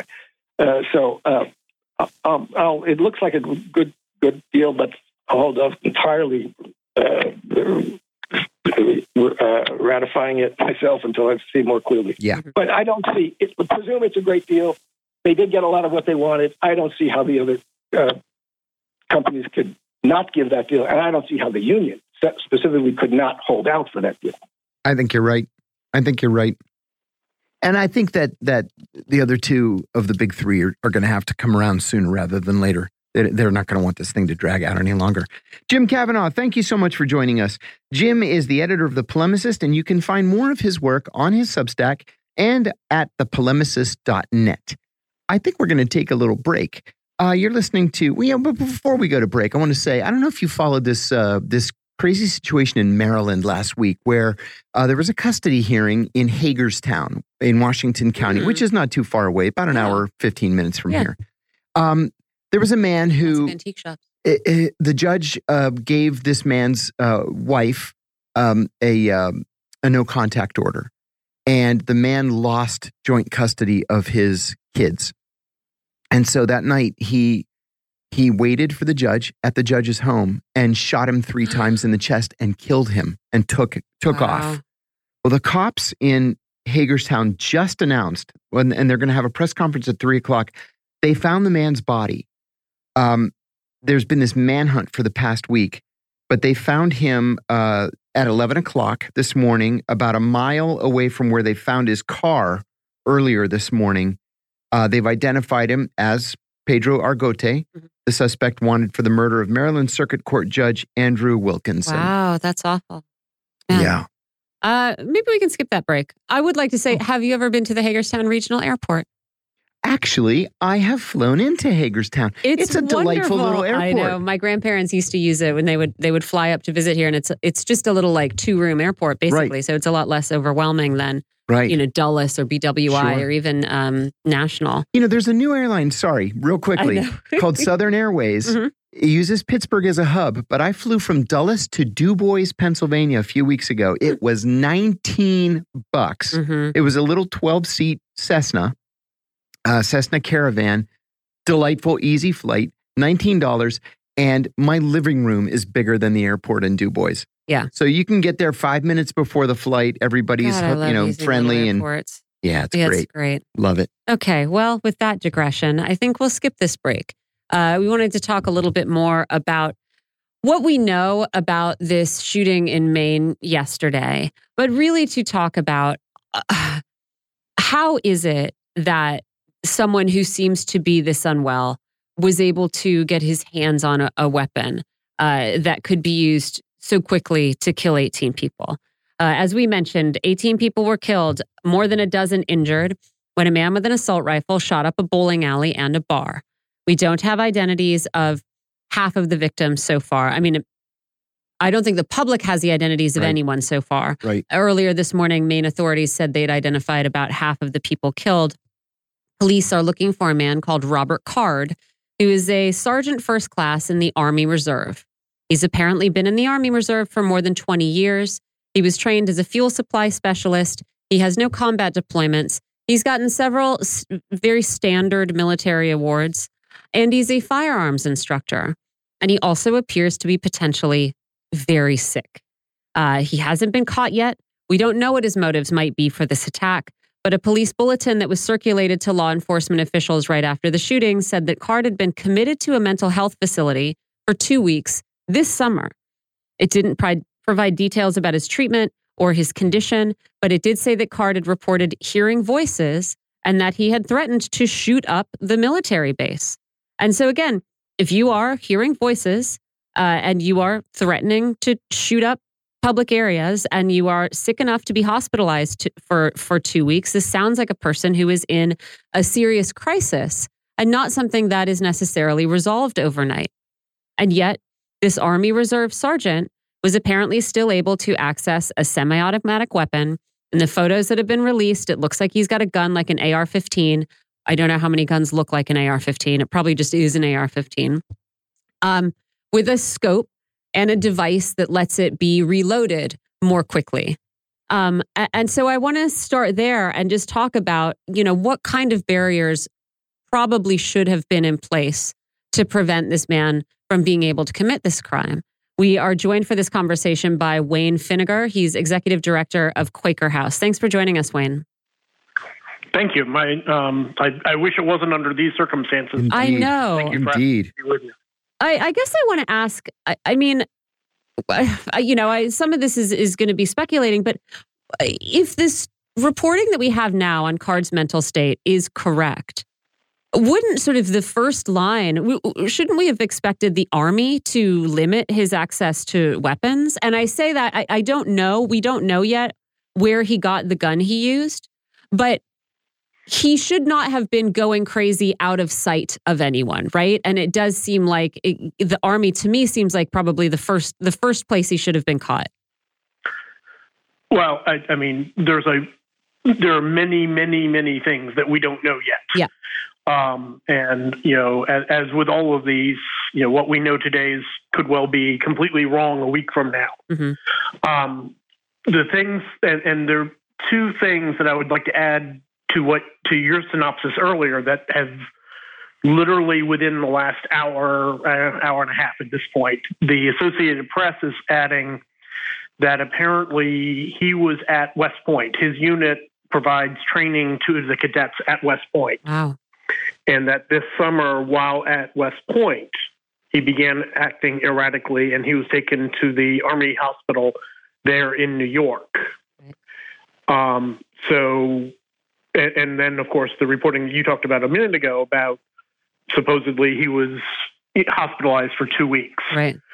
But what what the Associated Press is basically saying, they don't know they don't know what the connection between that it's called Keller Army Community Hospital in New York mm-hmm. and the two weeks treatment was, mm-hmm. whether it was at the same place or not. So there, there's with everything else, there's a gap.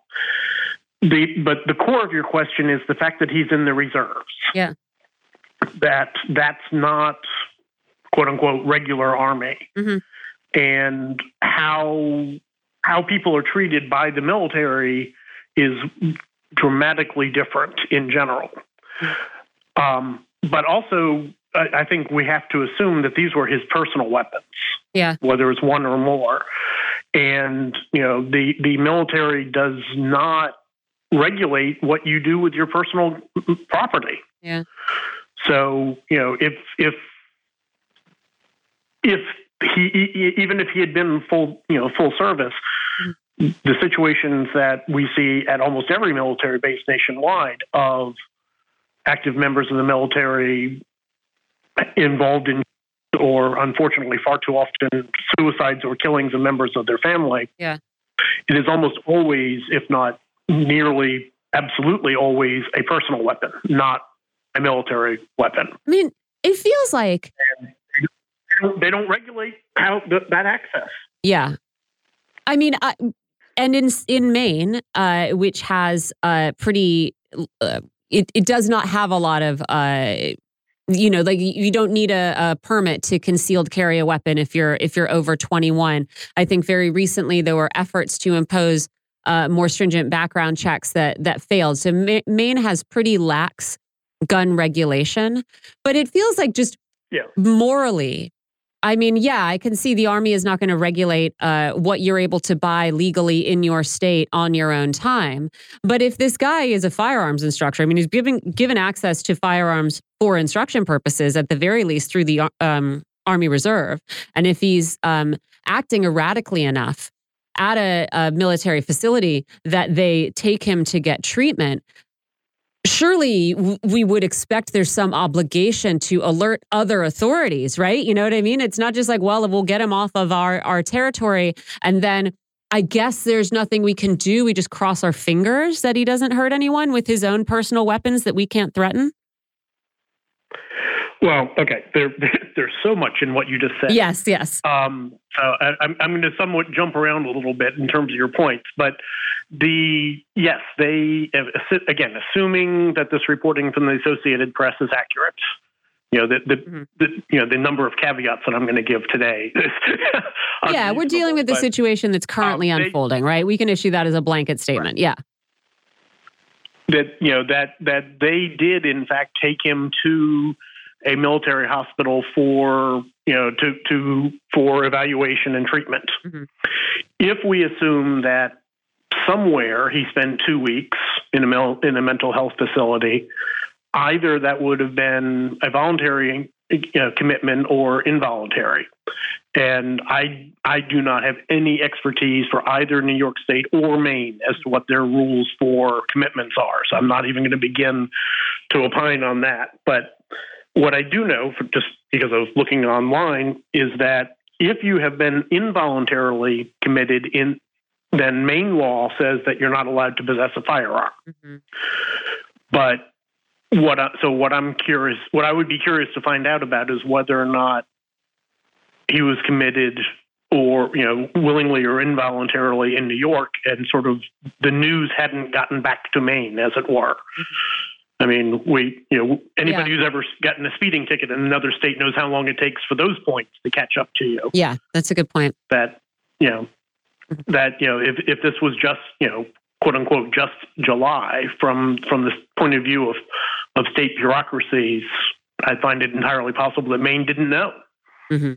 that if he was in if he was in New York, that Maine literally you know, that somebody in Augusta or wherever is is flipping through their emails and their piles of paper trying to find the notice from New York that they hadn't gotten to yet. Yeah, yeah.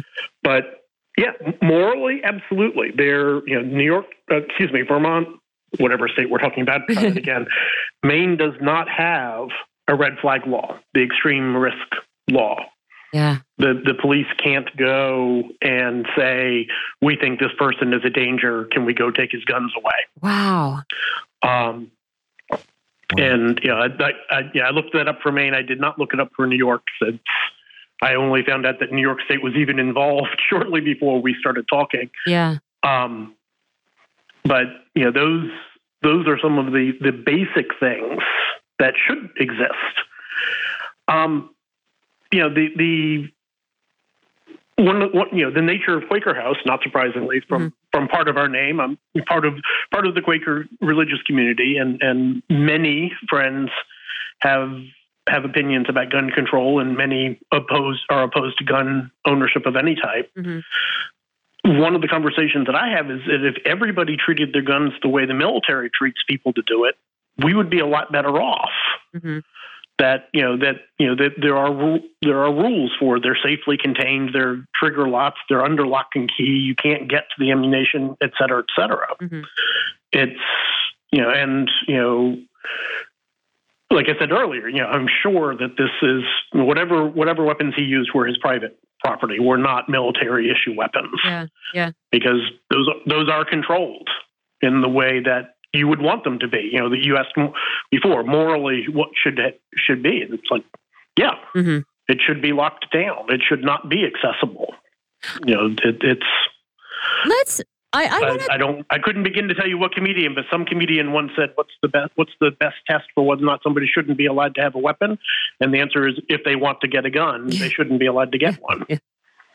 I mean, the other issue is. I mean, yeah, it, it is. It remains shocking to me that, like, even if, even if uh, the Army Reserve, you know, had an eye on him, that they were managing his mental health treatment, and we, again, there's a lot that we don't know about how how how sick this man might have been, who should have known about it. Um, I, I think there's obviously a a very big sort of public health conversation to have. But even if you know you you had all of the phones ringing, the idea that there is in Maine no red flag law, so that even if someone says, "Hey, yeah, this guy's this guy is out of his mind," something is going on, and he's got a house full of guns, everybody throws their hands up and says, "Well, there's nothing we can do about it." I mean, that's wild to me.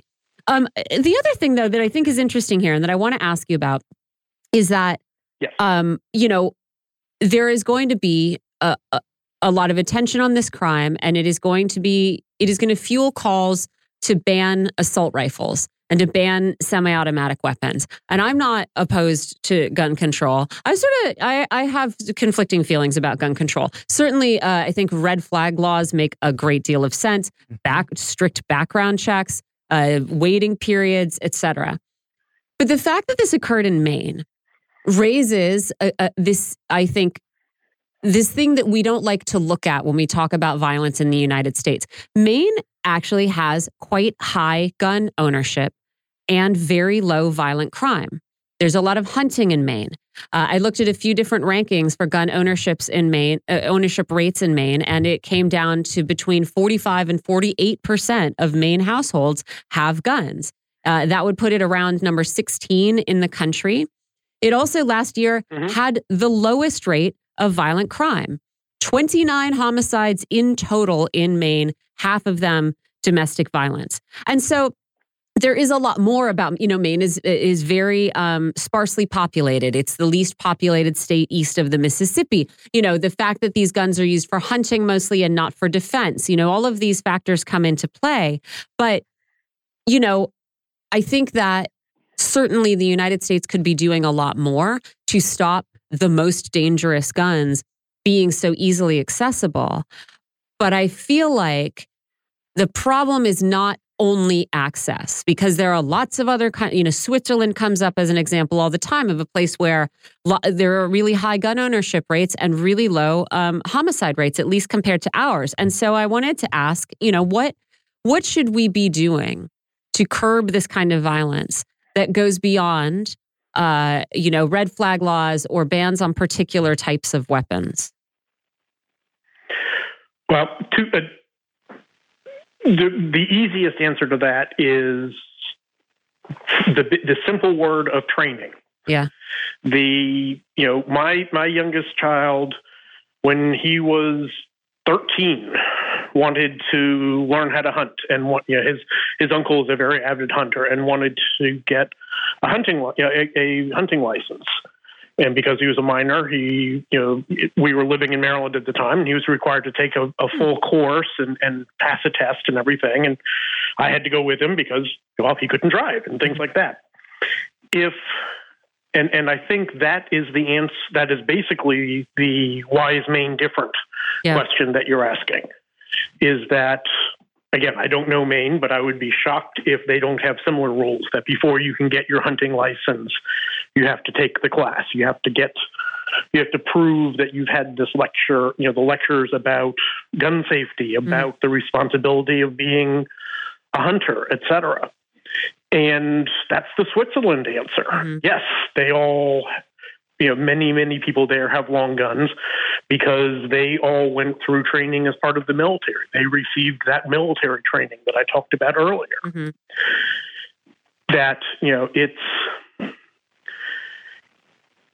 we make it possible for anybody who's got a drive, you know, a driver's license and is 18 years old can go in and buy a handgun.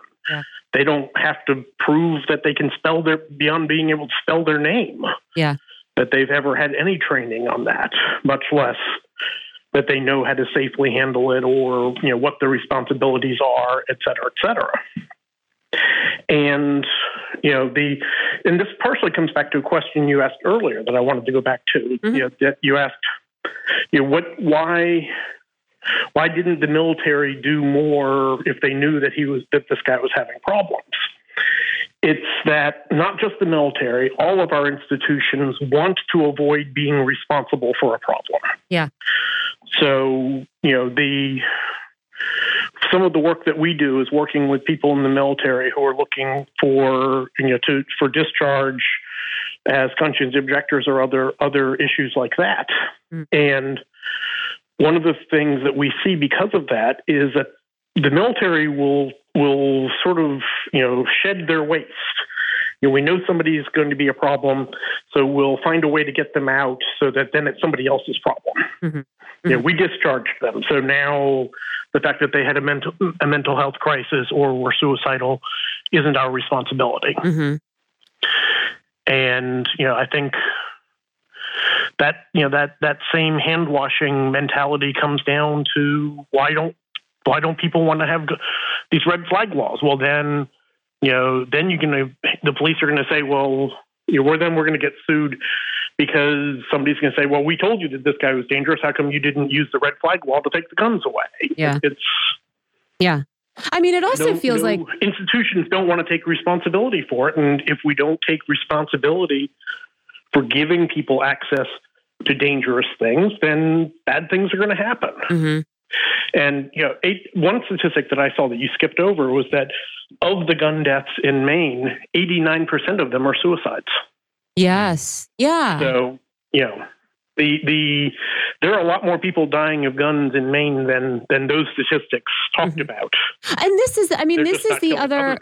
Um, the, the other point I wanted to ask you about while, while we have time is, you know, even if these guns are not being used to kill other people, they're, you know, when when the military, for example, sort of sh- sheds people and says, "Okay, they're out of the military; they're they're not my responsibility," or even if there were these red flag laws, we don't really have the public health or the the public mental health infrastructure for anyone to start doing anything. You know, I mean, so it's I guess it is preferable that someone use a gun to kill him or herself rather than to kill 20 other people, but uh, there should be intervention before that happens too, right? And I wanted to ask you whether you think, you know, there's a a um a, a health component here that gets ignored. Stopping people before Absolutely. they, you know, because I really think a lot of these people are not in their right minds. There was a way to prevent this. I, I, I you know, I don't think that we're going to find out that this guy made a sort of rational decision to do this. No, I mean, killing killing other people like this is never a rational decision. I mean, but I mean, it's it was 2023 before you know the the you know na- national suicide hotline got you know a a short number, and yeah. you know that you know the you know that you you could just you can't you know it's only now that you can text eight three eight two five five to get help. Yeah, yeah, that's right. You know that's the military crisis line, but you know those the resources that people need to be able to access, they don't know what they are. And we do a lousy job as a country mm-hmm. of both of making it possible and then of saying it's okay. Mm-hmm. You know, they, we we Quaker House has a counseling service to help people dealing with issues like domestic violence, like substance abuse, like suicide, because people in the military think that it'll destroy their career if they ask for help. Yeah. Yeah and you know, and maybe they're right. Maybe you know, the military says they're not right, but you know that that and fifty cents. But if that's the attitude that people have, that I can't admit that I that I'm feeling suicidal, then it it come it just continues to boil until then it explodes. Yeah, yeah. And you know, we're not we're not taking responsibility as a society for people. Yeah, we're just sort yeah, of my, looking. You know, we're we're still sort of lighting the fuses and then trying to like kick the bombs away instead of stopping lighting the fuses. I guess that was a pretty clumsy metaphor. Uh, Wayne Finnegar, we're we're uh, just about out of time. Uh, where should people go to find out more uh, about Quaker House and the work that you do? Uh, fortunately, it's a real easy website, QuakerHouse.org. All right, and um, it's they and they should also anybody in the military looking to discuss issues with their participation should also contact the GI Rights Hotline. Mm-hmm. That's such a great service. Thank you. Thanks so much. Thank you. I have yeah. a couple of last headlines for you, John. Excellent. One, uh, we are still waiting for Sam Bankman-Fried to take. Uh, he he may testify today. It has the the trial is broken for lunch, not before. Uh, the judge didn't get mad at the prosecution this time, which is sort of fun. But I wanted to give you a, a couple of um, important phrases before we leave. One is beans liberation. Yeah, you mentioned beans earlier. I, I don't know what that is. Let me tell you something, John. This is in the Wall Street Journal. Long misunderstood, baked beans are busting loose. What? Baked bean innovations are on the rise as companies pursue new new legume fans I realize I haven't said that word out loud like in a really people have never had baked beans before that they're just now discovering them? Uh, they're saying it's time to liberate our beans, John, and maybe you should open your minds to the possibilities of baked beans. Well, they are good for your heart. I do actually love baked beans. I really, I loved them as a kid. We ate them a lot. I love a full English breakfast. Too. I don't eat meat. Uh, I used to enjoy that part of it as well. Um, but yeah, the Wall Street Journal has a long and prominently featured lifestyle article about how baked beans are entering new territories and bean lovers are torn. Apparently, um, Kraft began selling frozen pizzas topped with baked beans in the UK last year, as if they didn't have enough problems. Actually, I would eat baked beans on pizza. Sure, I would be. Yeah, you know, beans not? on toast is great. Why not? That's fine. Uh, people are are mad about it, but that is part of the beans liberation campaign to free beans from the can which is a little strange because yeah. most preparations require the beans to be freed from a can unless you're eating them hobo style while you ride Indeed. the rails. Uh, so, you know, put them on a pizza, put them in a bowl, put them on a plate with some you know, grilled tomatoes next to it. They're they're It's very British. they done got out the can already. Um, but you know, uh, there is apparently a real demand for baked bean innovations. Um, yeah, now it's having its moment in the sun. I had not been aware of this. No one in my life has been uh, talking about about beans or their their liberation. But you know, I do love I love a good white bean. So I, I pretty much will eat any bean. Yeah. Have you, You ever know had what? giant Kidney beans? beans can get the hell like- out of here. I, like kidney beans. Absolutely not. My you know what I do like though? Ca- too. aren't cannelloni beans just white kidney beans? Yeah. Well, call me racist because I like those ones, but I don't like the red ones. What about the giant beans? Gigantes. I mean, you need, you need like a knife and fork to eat those. They're so big. I love I've Never them. seen a bean that required a knife or fork. Oh, it's they're big. I love them. They're, they're like the, the bean of Greece. wow. Greeks love them. I do And, the- like and their um, name is giant beans. they Gigantes. horse beans. I think they fry like dry and deep fry, and you eat them with salt, like as a little bus snack in Southeast Asia. They're very delicious. That sounds cool. yeah. So, uh, you know, yeah, I'm here for it. You know what? Also, black beans don't care that much about them. I really just like I like white beans and sort of red, uh, pink beans. Uh, I'll eat all of them. I, I, I put black beans in chili just because they're so high in fiber. They're really healthy for you. Mm-hmm. All right. Well, I have to bring in some uh, some bean based food to the office soon. Uh, the other little headline that caught my eye, and this comes from um, uh, producer Ben, who I don't know if he's trying to signal to us or not, but uh, apparently Gen Z wants Ah, less yes. sex, Less. Less. Sex. less sex in their entertainment, and more lives like their own. And that to me is what is key here. I mean, there's a lot of um, there are a lot of sort of funny stories about how Zoom, Zoomers are prudes and nobody's Yeah. having sex anymore or Yeah. whatever. There was always so much more sex depicted in entertainment about high schoolers than really was going on. Oh my as far God. Yeah. I, could never knew from- anybody like that. no, Never. nobody. That was not what was happening in my high school or with anybody who Not a I knew. And so, uh, yes, I, I think the the main thing that these uh, Gen Z people want is to see representations of their real lives, and of course, that is going to require less sex because Yes. teenagers are just not as cool No. and hot and uh, randy as the popular depictions have been for a really long time. Um, but I do, you know, I do think that's sort of interesting. All right, that's all we got time for today. We're gonna have a lot Yeah. more for you tomorrow. It'll be a busy Friday. yeah, it will be. You're listening to, poli- you've been listening to Political Misfits, and now we're saying thanks for listening, and we're getting out of here. Bye.